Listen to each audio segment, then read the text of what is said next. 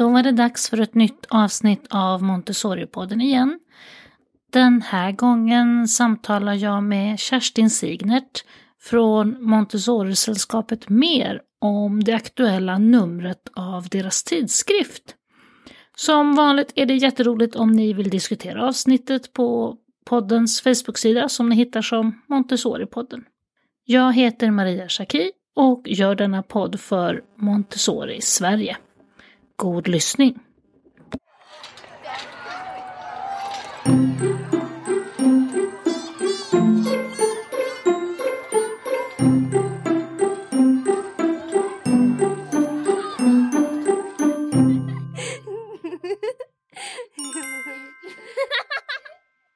Välkommen tillbaka till Montessori-podden, Kerstin Signert. Tack så mycket. Du har ju varit med tidigare ehm, och för de som, jag tror att de flesta lyssnarna vet vem du är och sådär, men jag tänker för de som aldrig har hört dig, kan inte du beskriva lite kort, vad är din bakgrund? Ja, eh, från början är jag ju lågstadielärare som efter tio år i det yrket eh, började läsa Montessori-pedagogik.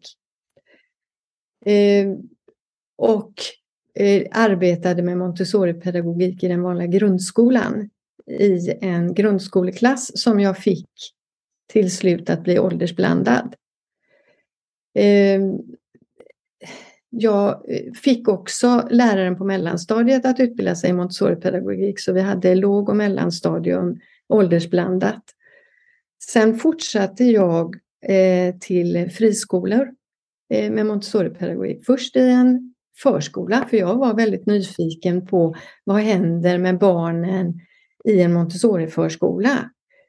Mitt, mitt stora intresse var ju egentligen det här med läsinlärning och barns sätt att lära sig läsa som jag blev väldigt intresserad av just när jag läste Montessori-pedagogik också.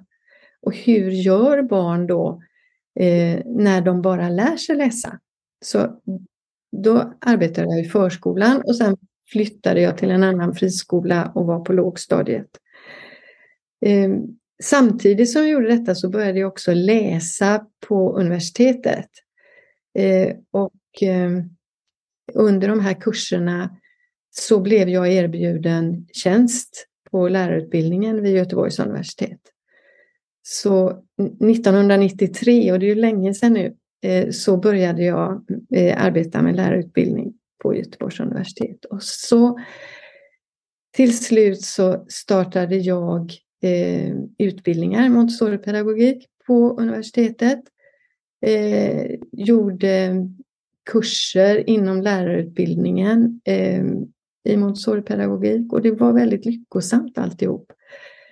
Så till slut då så började jag på forskarutbildningen och skrev en avhandling eh, om Montessori-materialen och jämförde det med eh, variationsteorin som då är ett eh, ganska modernt, eh, en modern teori. Eh, och nu är det i år, tio år sedan, jag mm. Eh, disputerade. Ehm, och det är ju hela tiden det här, vi måste forska mer inom Montessori. Mm. Inte för att bevisa att den är bra för att vi vet det, utan vad är det? Vad är Montessori-pedagogik? Vad, vad, vad beror det på? Till exempel mm. då att vi tycker att det är bra.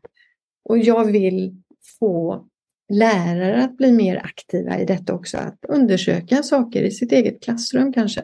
Mm.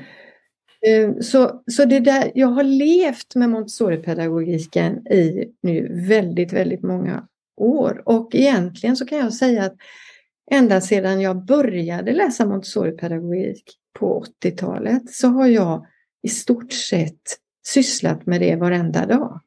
Mm. Tycker nu att ja, men Montessori-pedagogiken det är inte bara någonting för förskolan eller skolan. Det är från vaggan till graven. Mm. Ehm, och eftersom jag då blir bara äldre och äldre så, så känner jag ju att det finns ju väldigt mycket i all vård. Mm. äldrevård som eh, behöver kunskap i Montessori-pedagogik. Jag har sett faktiskt att AMI har haft lite projekt kring just det här med demensvård och lite mm. sådana saker. Så det är ju jättespännande, eh, ja, och den det, utvecklingen. Alltså det finns forskning, väldigt långtgående forskning i USA till exempel. Mm. verkligen prövar Montessori-pedagogiken på äldre dementa. Mm. Mm. Eh, och sen så tycker jag att det, alltså, de här sakerna är så självklara. Det, det är inget, man behöver egentligen inte läsa så mycket i böcker, men för att förstå så måste man ha utbildning i det. Mm. Så därför utbildningen är viktig. Montessori-utbildningen är viktig. Och det vi ska prata om idag det är ju då eh, Montessori-sällskapet MERS eh, tidskrift som kommer ut i vilken dag som helst. Eh, mm. MER betyder ju Montessori Education and Research. Och där är du ordförande, eller hur? Ja, i sällskapet. Mm, mm. Eh, från början så var det ju så att MER var ett nätverk bland oss eh, eh, lärare på lärarutbildningarna på olika universitet och högskolor i Sverige. Mm. Vi, vi, vi träffades på diverse möten med Montessori-förbundet eh, och kom fram till att vi hade speciella problem, vi som jobbade med utbildningar på universiteten. Mm. Då samlades vi och så eh, precis i början av eh, 2000-talet så startade vi nätverket Montessori Education and Research mer. Och sen höll vi på med det till 2007. Då hade vi en stor konferens i Stockholm eh, där vi samlade eh, professorer eh, från olika länder som eh, var inriktade mot Montessori-pedagogik. Eh, och då så bildade vi även det här sällskapet då, mm. som skulle mer rikta sig mot alla med Montessori-intressen. Både forskare, eh, lärare, föräldrar. Eh, alla skulle kunna samlas i det här där vi har då kaféer och föreläsningar om Montessori-pedagogik. Och så startade vi tidningen. Precis, och, många av de här kaféerna har ju lyssnarna kunnat lyssna på här under åren för vi har spelat in flera av dem. Flera av dem har varit digitala nämligen. Eh, och då har ju flera kaféer handlat lite grann om tidskriften, lite artiklar och så. Eh, och det vi ska göra idag är att vi ska gå igenom då årets tidskrift som bör dimpa ner i medlemmarnas mailboxar vilken dag som helst. När ni lyssnar på det här kanske ni till och med har gjort det.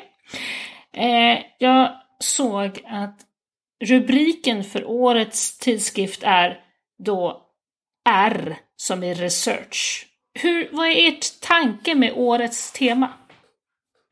Ja, vi, ända sedan vi startade tidskriften så har det varit forskning som har stått liksom överst på agendan. Vi, vi har velat visa forskning som, som görs på Montessori-pedagogiken. Eh, men nu i år så skulle vi vilja visa att man någonstans måste man ju starta. Och jag vill se fler Montessori-lärare som är intresserade av att föra det här vidare. Att själva studera, starta på golvet i sitt eget klassrum. Jag menar, alla Montessori-lärare med utbildning i Montessori-pedagogik, de vet att observation är viktigt. Och i den där observationen, när man då går där och observerar i sitt klassrum, så finns det saker som man kanske undrar över. För en forskare tar ju sig an egentligen det som man inte riktigt begriper. Man vill veta mer om det. Ehm, jag till exempel har eh, då forskat på hur eh, tanken var med eh, de sinnestränande materialen. Som jag ibland kunde se när jag var ute på studiebesök i Montessori-skolor, att ibland så kunde man nästan tro att det var någonting som man gav till barnen för att det skulle vara tyst och lugnt en stund eller att de mm. skulle veta Liksom.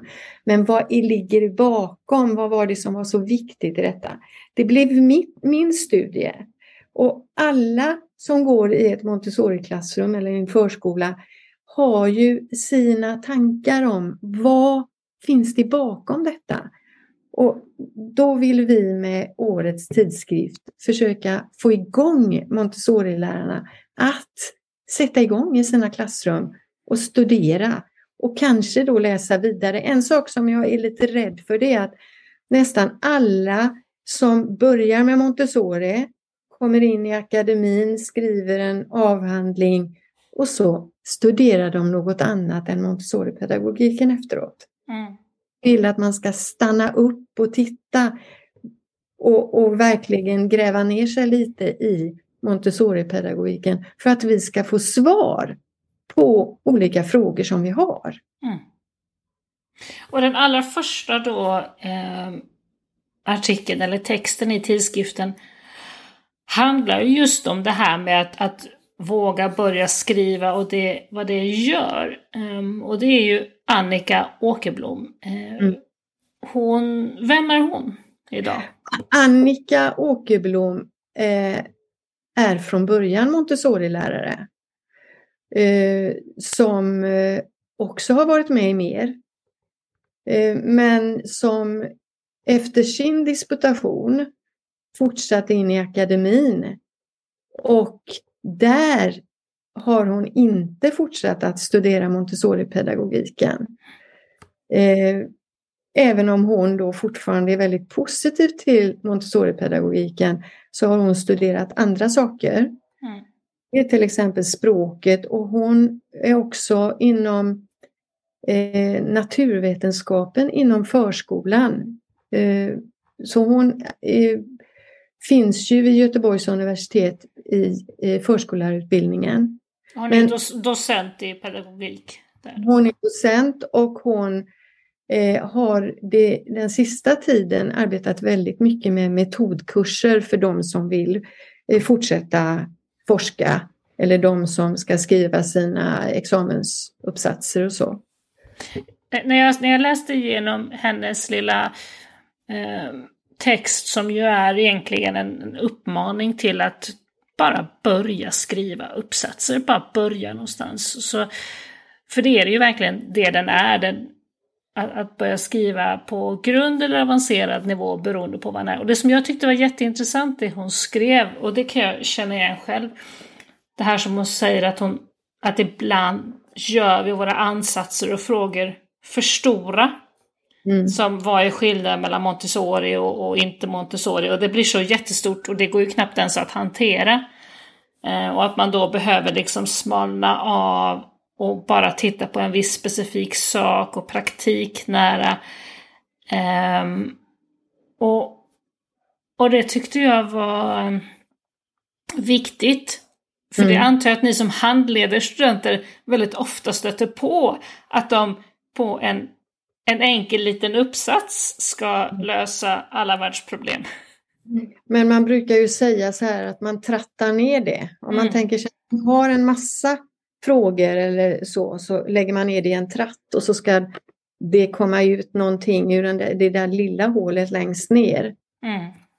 För att det är liksom där man behöver börja. Och jag vet att på 90-talet till exempel var det väldigt vanligt att studenter kom och sa att jo, men vi vill vi vill se vad det är för skillnad mellan eh, Waldorf och Montessori eller vad är det för skillnad mellan Frené och Montessori. Mm. Och, och, då, det blir ju liksom in, ingen forskning av det. Utan det är ju liksom bara ett konstaterande att så här gör man inom Waldorf och så här gör man inom Montessori. Det här är skillnader eller likheter eller så. Det, det är ju liksom det är ingen forskning. Eh, så att det gäller verkligen att komma på Alltså en fråga som man egentligen inte vet. Man får ju inte veta, så man ska ju inte, inte kunna skriva ner svaret innan. Nej. man ska sitta där och leta och försöka komma underfund med.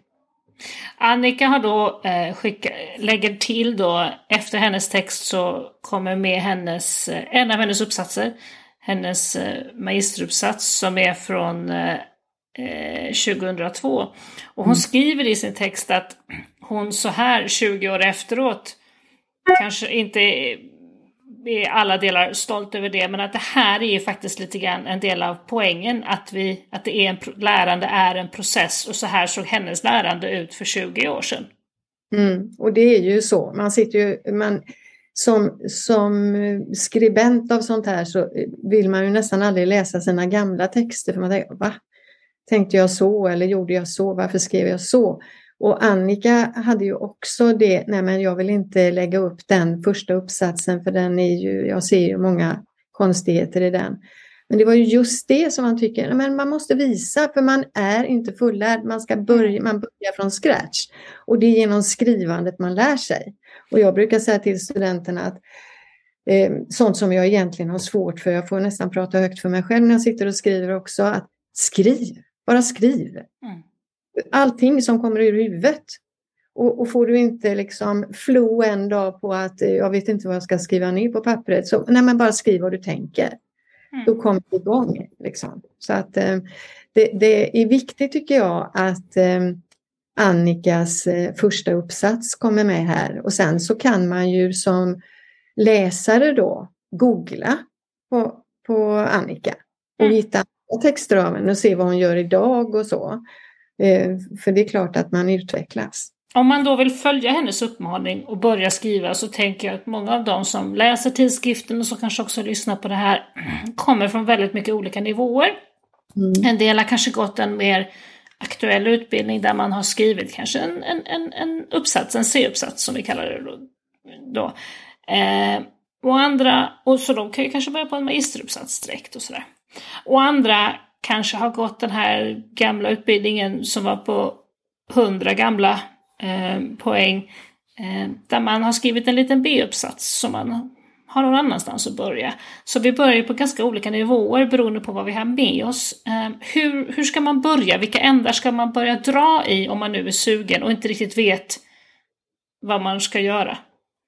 Ja, men egentligen är det allra lättaste att ringa till en studievägledare på eh, universitetet. Mm. Och bara säga att så här är det med mig, jag är väldigt sugen på att eh, börja någonstans, var ska jag börja? För och där vet man ju så. Och, där, och, sen, då, då kan det ju ibland vara så att man kanske behöver läsa någon pedagogikkurs för att komma upp på rätt nivå i pedagogikämnet. Eller så är det kanske så att det finns olika program som man kan börja med där en del sådana här saker är lite inbakade från början för man räknar med att det ska komma sådana som behöver det in i de här programmen. Eller så har man gjort så pass mycket så man kan gå tjoffrätt på en kurs som är en uppsats. Mm. Och sen så ska man veta då att eh, eh, alltså det är ju inte alla som kommer att komma till någon doktorsexamen. Det är ju inte heller nödvändigt. Det är ju liksom Nej. den examen, det måste man ju inte. Eh, den lite lägre nivån där är ju att man lissar. Då, mm. då läser man kortare kurser. Men man behöver inte ens gå, vara där. Man kan ju liksom göra en magister, man kan göra en master, man kan, mm. alltså det finns olika. Men däremot så kan jag känna så här att när man är i en Montessori förskola eller skola, man har läst sin förskollärarutbildning eller lärarutbildning, eh, man har gått Eh, en Montessori-utbildning. Det är viktigt för att få syn på de här sakerna att studera lite teorier. Alltså vad, vad, vad fanns det när Montessori satte igång med sina tankar? Och vad har kommit efter henne? Det, det, blir ju det, kunskapen är ju aldrig tung att bära. Tung, kunskapen kan vara tung att, att, att göra när man håller på med den. Men, men det är så viktigt för att få syn på Montessoris idéer eh, så är det viktigt att veta hur andra tänker också. Mm. Och, men jag märker ju också runt omkring i, i det här med just master och, och, och magisteruppsats att, att göra en master, bara det att man behöver ju inte gå så långt som, som du säger Lissa eller så, men bara det här att göra, att skriva en uppsats och göra en masterutbildning, det öppnar ju ganska många mm, karriärvägar på vad gäller om man till exempel är sugen på att jobba som utvecklingsledare eller eh, arbetslagsledare eller kanske rektor någon gång eller inom förvaltning så den typen av just, bara att jag har en masterutbildning gör ju att du har en helt annan kompetens och det öppnar ganska många karriärvägar framåt. Och också får upp ögonen för nya saker i sitt klassrum. Mm. Att, att se saker från ett annat håll. Mm. Ibland kan ju, jag menar jag har ju gått igenom många olika perioder i min Montessori, eh, vad ska man säga, kunnande. Där jag kanske plötsligt har ramlat ner på marken och tänkt, men hur tänkte hon? Vad var detta? Och så, så läser man ännu mer och tänker, oj, vad, vad klokt det var. Mm. Och så kan man ramla ner en gång, alltså det går upp och ner. Och det, det är ju för ens egen utveckling. Mm. För, att man liksom, för så är det ju när, jag tror att alla känner igen sig lite på det när man har läst Montessori-pedagogik. Att det är samma sak där, man får eh, gå in i sitt eget inre. Vem är jag som ska ta hand om de här barnen och kunna eh, få det att funka?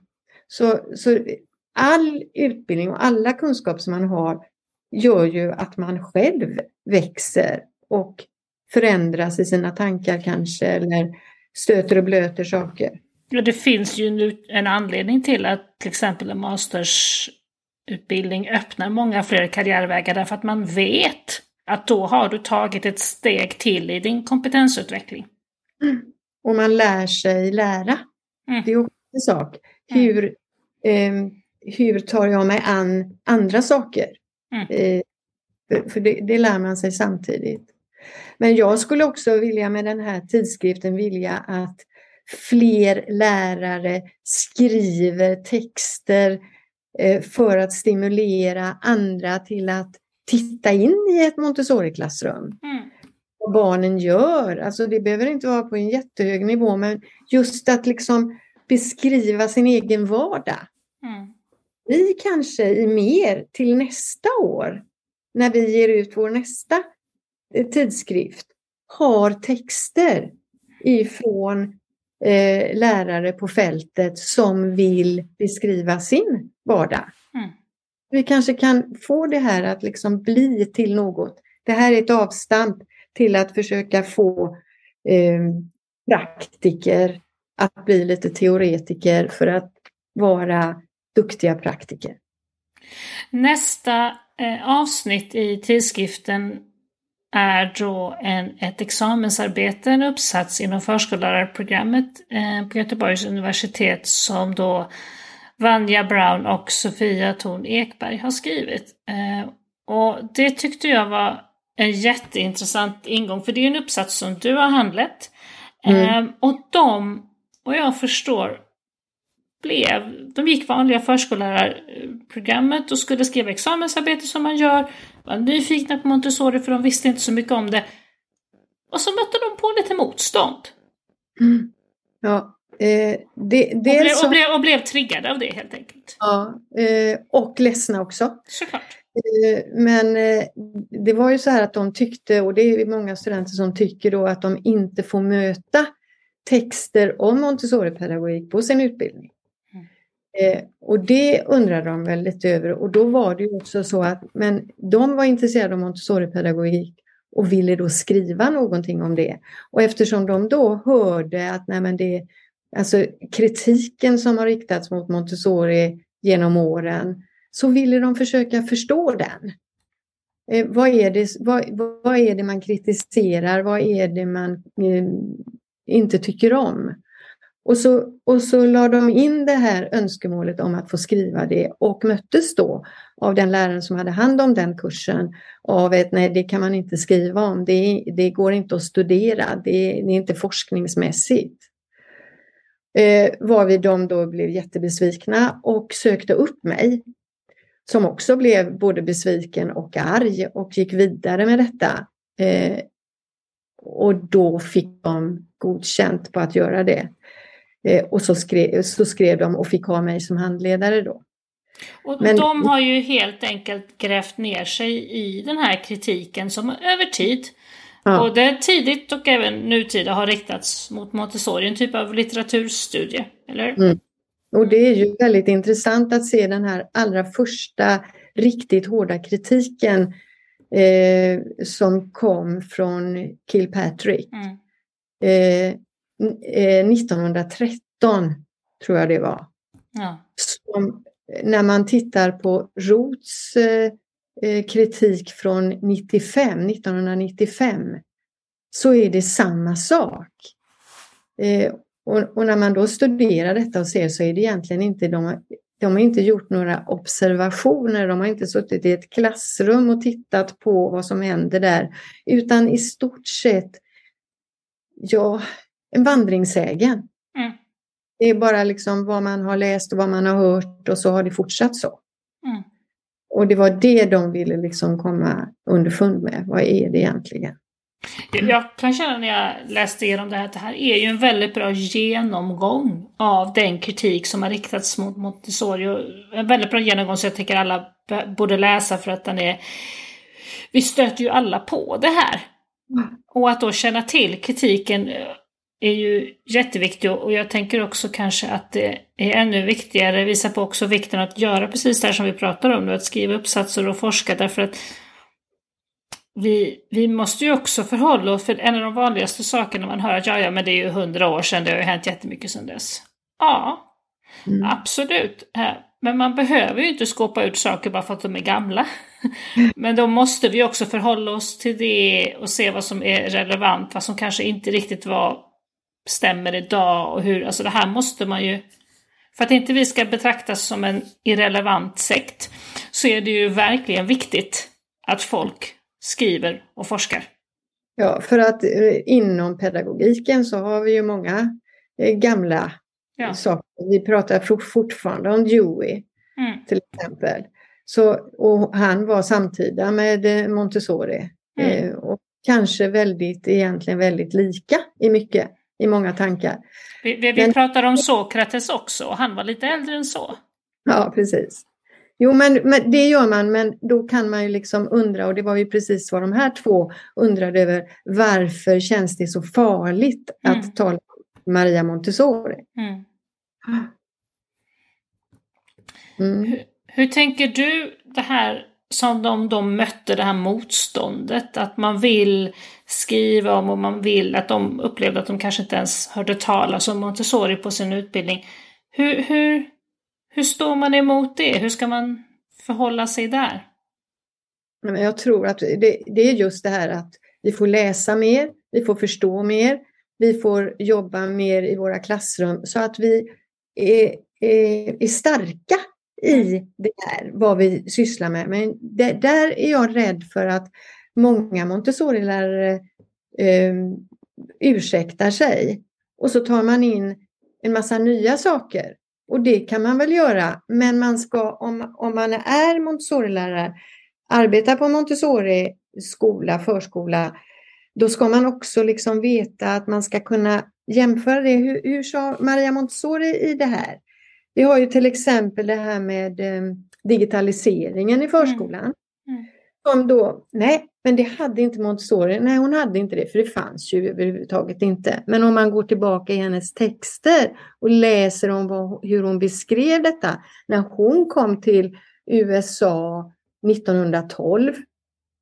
Då hade hon filmer med sig mm. som hon visade. Filmer som hon hade tagit, filmat i Rom, i skolan där, för att få människor att förstå. Så här ser det ut när barnen arbetar med materialen. Det var ju svårt för henne att bara beskriva det. Men då, då visade hon ju det. Hon sa ju vid något tillfälle att jag skulle önska att man kunde ha en kamera ständigt i klassrummet så man bara kan trycka på en knapp när man vill eh, inte bara observera utan se på det efteråt mm. för att komma ännu bättre underfund med vad barnen egentligen gör.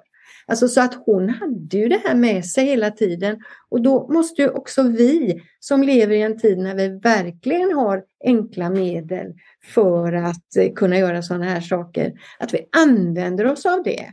Men att vi ändå står eh, med, med de tankarna, för det handlar ju om barnet, det handlar om barnens utveckling, eh, alltså psykiska utveckling som är så självklar. Men det är mm. där vi ska stå kvar.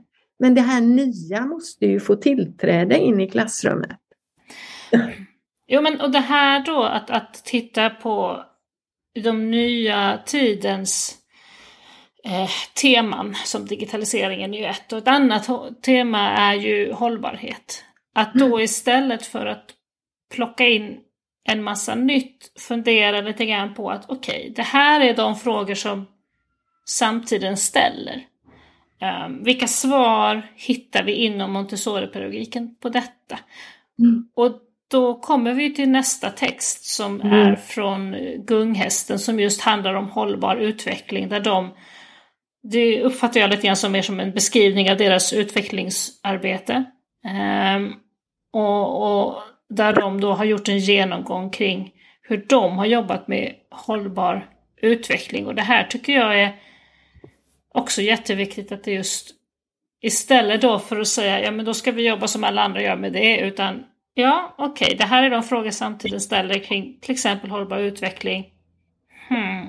Vad, vad är det som då skulle känneteckna Montessori-skolans arbete med hållbar utveckling? Mm. Och det här är, är, är, jätteviktigt att vi ser att Montessori tänkte så här. Mm. Jag tänker alltid, och särskilt nu i valtider, så tänker jag på Montessoris uttalande som hon skriver i Barnasinnet. Eh, att det här med miljön och miljötänkande, just när det handlar om hållbarhet och så och hur, hur, hur vi ska vara, värna om naturen.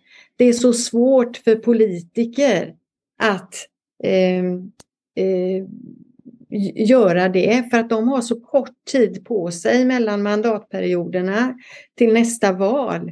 Så att det, då är det mycket lättare för dem att bygga en hög skorsten eller göra någonting som man kan peka, det där gjorde hon eller han. Mm. Eh, men om man värnar naturen och ser till att något djur ska klara sig eller vad det nu är, så syns inte det. Det, det märks inte på bara tre, fyra år det, det tar mycket längre tid.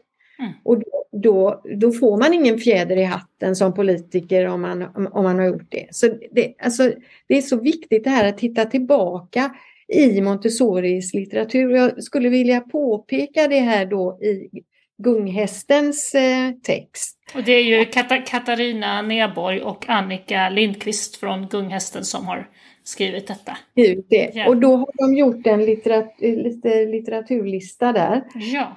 Men det finns ingen, eh, de har inte satt in någon litteratur från Montessori och det tror jag helt enkelt beror på att de eh, refererar till eh, böcker under tiden i texten.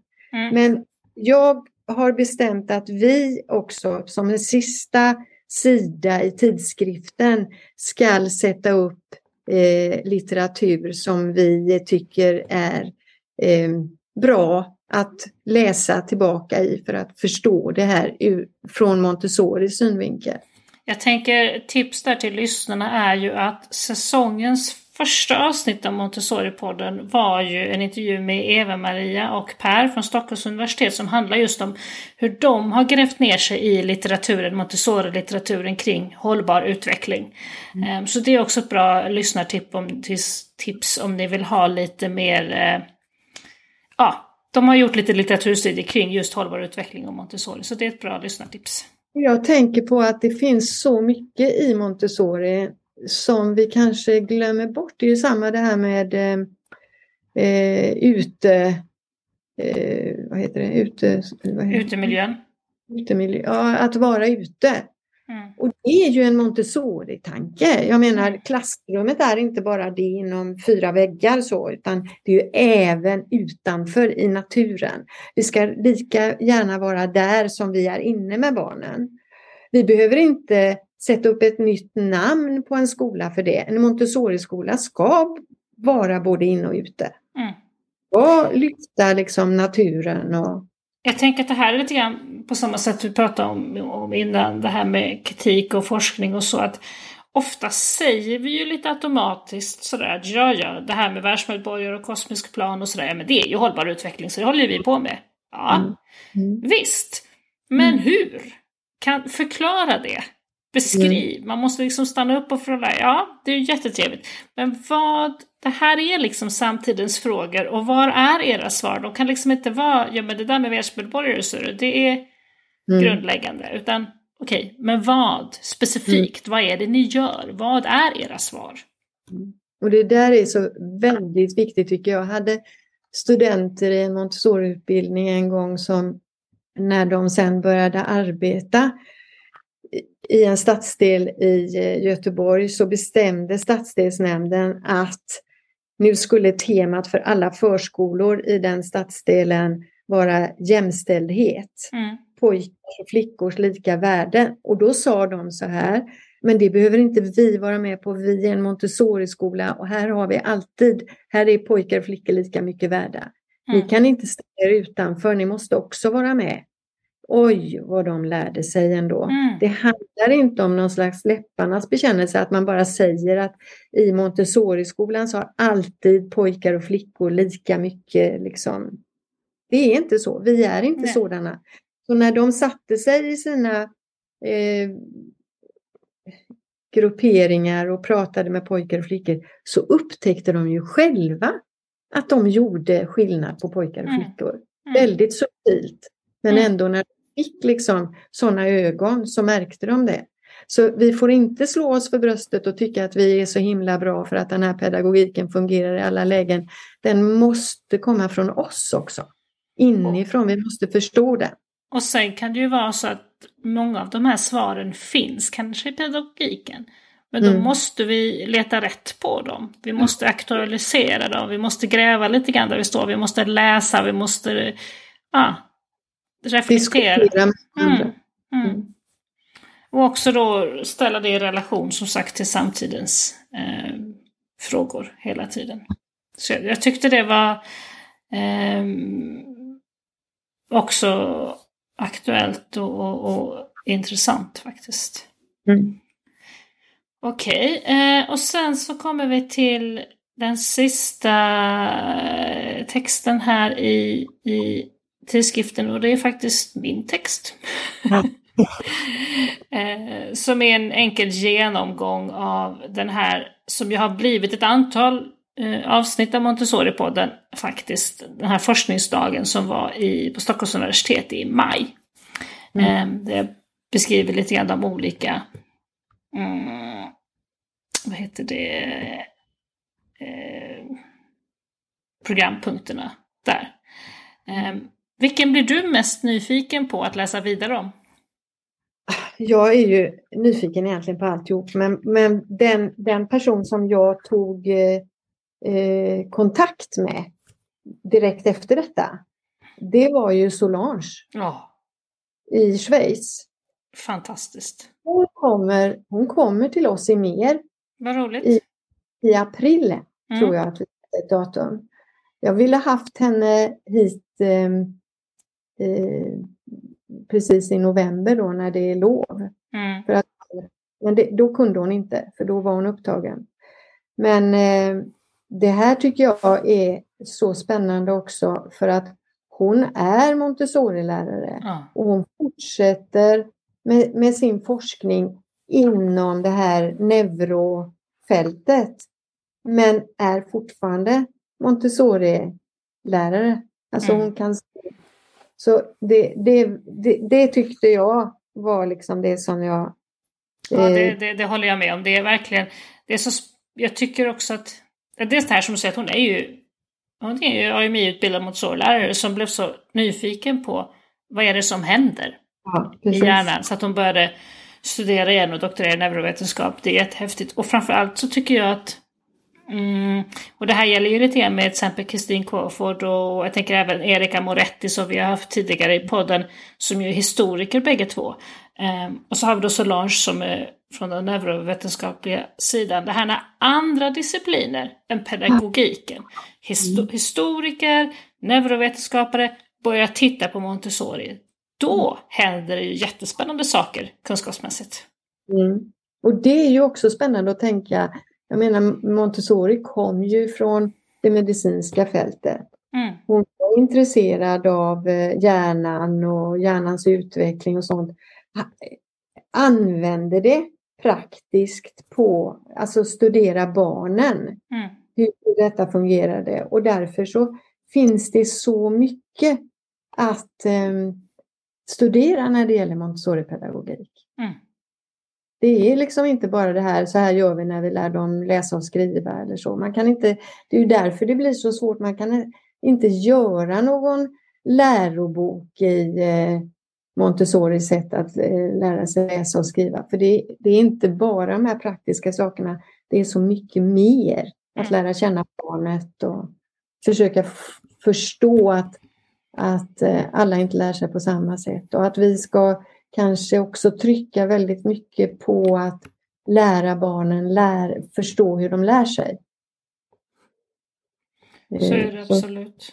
mm, Och det som jag avslutar lite grann där i min text också, det är ju det här med att, att förhålla sig till forskning och, och, och det här med att använda sig av forskning och det som man kallar för forskningslitteracitet, alltså att, att förstå eh, hur man läser och eh, det här som jag tycker att man hör så ofta, ja men framförallt tycker jag det är vanligt förekommande på hälsoområdet.